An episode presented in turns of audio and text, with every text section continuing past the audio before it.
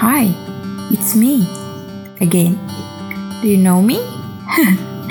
Namaku Duni Seriani. You can call me Nichi, Nisi, Dwi, whatever, you name it. I'm a mental health enthusiast and currently pursuing my dream to be a clinical psychologist.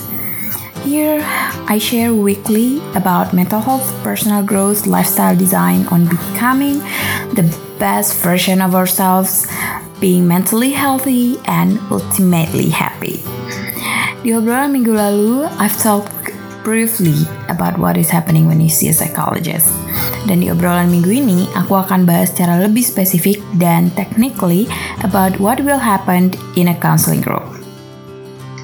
Beberapa di antara teman-teman mungkin ada yang ngerasa I need to see a psychologist. Merasa terganggu oleh emosi, perilaku, atau pikirannya. Atau merasa butuh konsul, butuh terapi, butuh teman cerita yang gak biasa. But maybe you feel a little bit nervous and anxious about the uncertainty about what will happen when you see a psychologist. Katanya cuma ngobrol-ngobrol doang, tapi bayarnya ratusan ribu. Is it really worth it?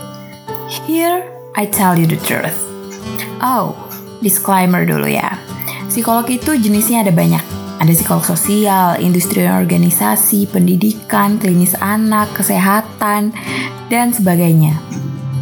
Apa yang akan aku ceritain ini adalah tentang psikolog klinis, oke? Okay? Dan hanya gambaran umumnya aja, karena setiap psikolog punya cara masing-masing dalam menangani klien. Oke, okay, here we go. In general, konsultasi dengan psikolog, khususnya psikolog klinis, itu akan dimulai dengan apa yang disebut dengan building rapport. Well, semua psikolog sih kayak gitu sebenarnya. Building rapport itu adalah tentang membangun kepercayaan antara klien dan psikolog. Bukan cuma klien yang butuh percaya sama psikolognya, tapi psikolog juga butuh percaya sama kliennya. Kebayang nggak kalau misalnya kamu cerita sama psikolog, tapi psikolognya nggak bisa nangkep apa yang kamu rasain. Dia nggak bisa nangkep kegelisahan yang kamu bawa. Dia nggak bisa nangkep makna makna-makna tersirat dari apa yang kamu ceritain. Karena kepercayaan antara kamu dan psikolognya belum terbangun. Kalau misalnya kamu belum percaya, mungkin kamu akan sulit untuk membuka diri. Dan psikolognya juga akan sulit untuk menerima apa yang kamu ceritain. Ya ibaratnya kalau uh, apa katanya antara psikolog dan uh, klien itu ibarat kita lagi nuang botol ke botol yang lain gitu. Kalau salah satu tutup botolnya tertutup, ya isinya akan bisa pindah dong. Nah, uh, hubungan antara psikolog dan klien itu dua arah. Ada pertukaran emosi dan informasi gitu. Nah, kalau misalnya udah building rapport, udah saling percaya, terus apa? Tahap selanjutnya itu disebut dengan intake. Intake ini berguna untuk memetakan masalah klien, mengetahui keluhannya apa, perubahan apa yang dirasakan, apa yang dirasa mengganggu, sudah berapa lama, dan sebagainya. Kalau ada psikolog yang nanya kayak kepo banget sama apa yang kamu rasain, apa yang kamu alami, itu wajar. Psikolog itu justru harus kepo. Kenapa? Karena informasi yang akan yang didapat itu nanti akan digunakan untuk menegakkan diagnosa atau menentukan apakah misalnya kliennya mengalami gangguan psikologis atau normal bermasalah.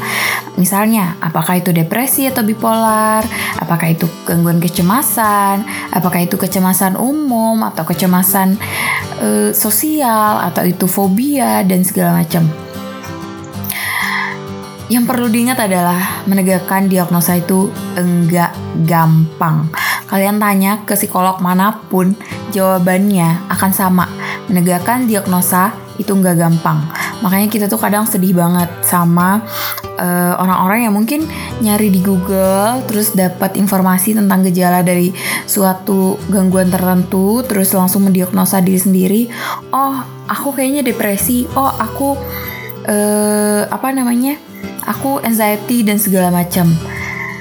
Dan lebih parahnya lagi informasi itu digunakan untuk menjudge orang atau dalam tanda kutip men self diagnose orang lain. Kayak misalnya ada yang curhat aku lagi nggak bisa tidur. Ah kamu depresi deh kayaknya. Kayak gitu. Itu tuh berbahaya banget guys gitu. Nah nggak gampangnya di mana? Banyak sih sebenarnya. Tapi salah satunya itu adalah faktor bahwa ada beberapa gangguan yang mungkin punya ciri yang sama tapi sebenarnya berbeda. Seperti misalnya gangguan kecemasan. Ada orang yang mengalami kecemasan umum, ada orang yang mengalami kecemasan sosial, ada yang uh, mengalami mungkin agorafobia gitu. Bedanya tipis, tapi diagnosanya beda dan penanganannya juga akan beda gitu. Makanya tadi keterbukaan antara klien dan psikolog itu penting banget supaya informasi yang diperoleh itu bisa menyeluruh dan penanganannya juga menjadi efektif. Setelah itu ada yang namanya tahap anamnesa dan assessment. Setelah punya informasi tentang gejala gangguan pada klien, psikolog akan punya dugaan sementara tentang apa yang dialami oleh klien. Uh, untuk membuktikan dugaan itu, psikolog butuh menggali lebih dalam mengenai keadaan klien, karena gangguan psikologis tidak terbentuk dalam semalam. Tidak disebabkan oleh faktor tunggal dan biasanya tidak hanya satu gangguan psikologis pada satu individu, bisa jadi banyak gitu. Makanya psikolog perlu menggali lebih dalam tentang uh, kliennya gitu. Misalnya tentang kepribadiannya, tentang keadaan emosinya, relasi sosial, pekerjaan, pendidikan, keluarga, tetangga, finansial, budaya, dan banyak lagi. Tergantung kebutuhan. Dan lagi-lagi menegakkan diagnosa itu tidak mudah pada beberapa kasus, tahap anamnesa dan asesmen bisa dilakukan berkali-kali karena gangguan yang dimiliki tidak mudah untuk didiagnosa. Tentu harus sabar. Gak cuma klien, tapi psikolog juga harus sabar. Pengumpulan informasi untuk diagnosa biasanya juga menggunakan alat bantu atau disebut juga dengan asesmen psikologi atau biasa disebut psikotes.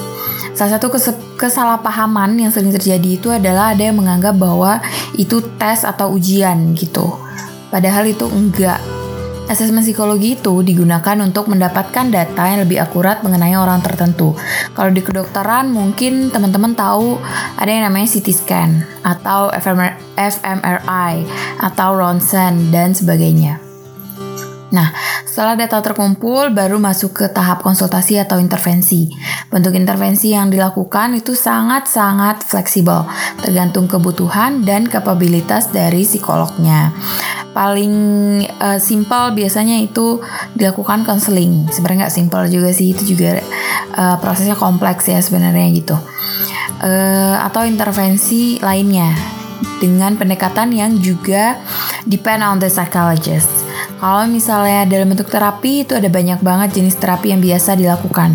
Ada yang namanya cognitive behavioral therapy, rational emotion behavioral therapy, psychodynamic therapy, empathic therapy, art therapy, um, apalagi you name it, banyak banget gitu. Nah, poin yang harus diingat adalah proses ini nggak selalu terjadi sesuai dengan apa yang aku jelasin.